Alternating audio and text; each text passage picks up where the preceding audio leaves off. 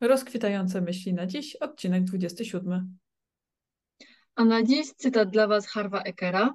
Najważniejszym powodem, dla którego ludzie nie osiągają tego, co chcą, jest to, że sami nie wiedzą, czego chcą. Możemy się dowiedzieć o nim czegoś ciekawego? Harv Eker, światowej sławy ekspert w zakresie zarządzania finansami, urodził się w Toronto, Ontario i mieszkał tam przez całe dzieciństwo. Jako młody, dorosły Eker przeniósł się do Stanów Zjednoczonych i założył serię kilkunastu różnych firm. Zaniósł, odniósł sukces we wczesnym, detalicznym sklepie fitness. Po tym, jak podobno zrobił, zarobił miliony za pośrednictwem sieci sklepów fitness, a następnie utracił fortunę z powodu złego zarządzania, zaczął analizować relacje bogatych ludzi z ich pieniędzmi i bogactwem, co właśnie doprowadziło go do opracowania teorii, które rozwija w swoim pisaniu i mówieniu do dzisiaj. Wydaje się być bardzo ciekawym człowiekiem. Ale bardziej ciekawe jest to, i chciałybyśmy się dzisiaj skupić na tym konkretnym cytacie, czyli yy, powodach, dla których ludzie nie osiągają tego, czego chcą, a czy wy wiecie, czego tak naprawdę chcecie od życia? Macie wyznaczone swoje cele pięcio, dziesięcioletnie, żeby wiedzieć, do czego tak naprawdę zmierzamy, albo czego chcemy, co chcemy w życiu osiągnąć. Często jak pytamy naszych uczestników szkoleń o to, e, co chcieliby osiągnąć w tym roku, no to nie wiedzą, po prostu dotrwać do Sylwestra, a tak naprawdę może się nic nie zmienić. Trudno osiągnąć coś, czego nie da się zmierzyć, i trudno osiągnąć coś, jak nie wiemy, co to tak naprawdę jest, kiedy to się wydarzy, w jaki sposób to się wydarzy, jak sprawdzić, czy to się do końca wydarzyło.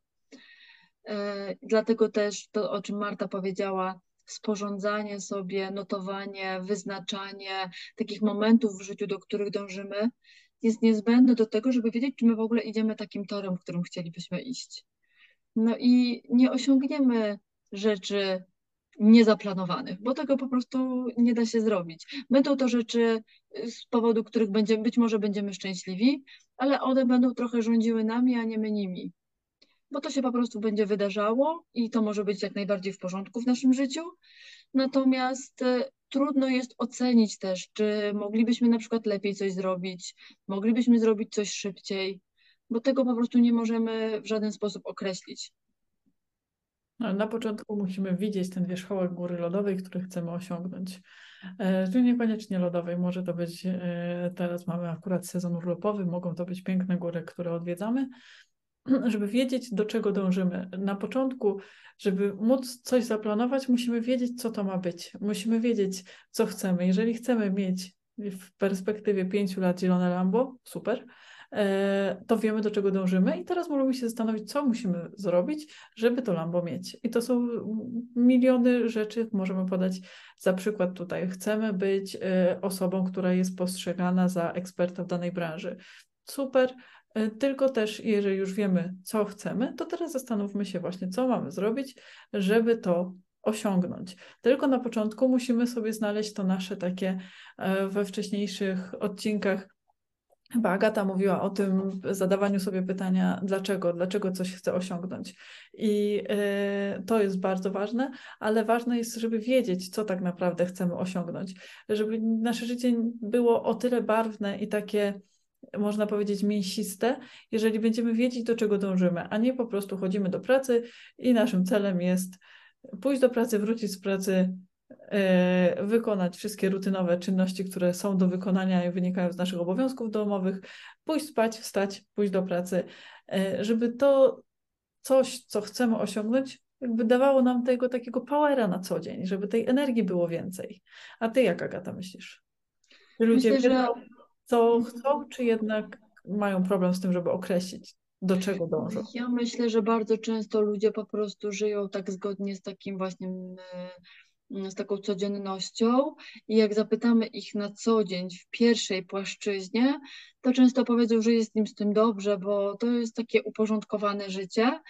Natomiast dopiero jak zaczniemy dotykać takich e, niektórych elementów z życia mm, odnośnie odniesienia sukcesu, nie wiem, przez znajomych, przez rodziny.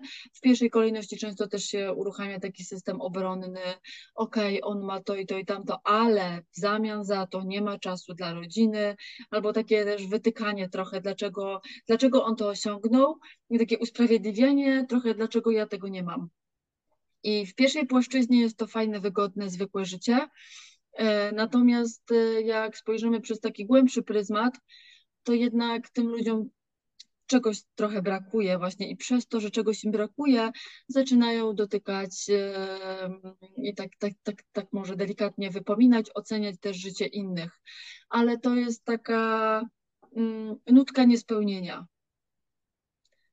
I jeżeli mamy tak, jeżeli mamy, jesteśmy akurat w gronie tych osób, gdzie powierzchownie wszystko jest super, natomiast brakuje nam czegoś, to tu warto właśnie spojrzeć sobie na swoje życie, rozpisać, rozrysować, zastanowić się, spojrzeć na ludzi, którzy nas inspirują, nie wstydzić się tak naprawdę zajrzeć sobie do tych takich jednostek inspirujących nas, w jaki sposób to osiągnęli e, i, i spróbować sobie stworzyć to swoje życie wymarzone, tak jakbyśmy chcieli, żeby ono rzeczywiście wyglądało. I tutaj mamy zadanie dla Was, czyli fajnie by było, gdybyście wypisali na przykład 50 lub 100 rzeczy, które chcecie w życiu zrobić.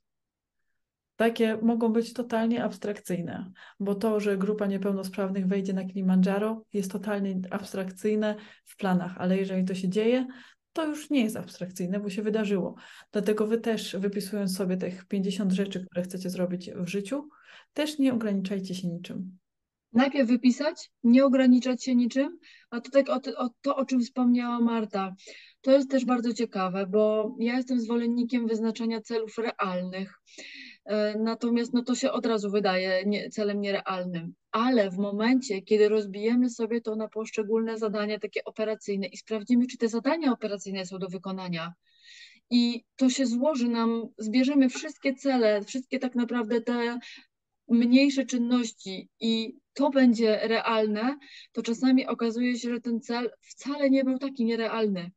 Czyli określając cel, patrzcie od razu poniżej, czyli to, co trzeba zrobić, i wtedy może okazać się, że rzeczywiście damy radę to zrobić bo tam trzeba sobie przeanalizować pod kątem zasobów, tego co mamy, czy jesteśmy w stanie w tak krótkim czasie na przykład zdobyć jakieś określone kompetencje i może okazać się, że oczywiście możemy to zrobić, a może okazać się, że może czas trzeba trochę wydłużyć, może trzeba niektóre założenia jakoś wypłaścić, zrobić bardziej płaskie. Także to, to jest wszystko y, do y, przeanalizowania, ale jeżeli nie zrobimy analizy, to na pewno nie będziemy wiedzieli, czy to się da.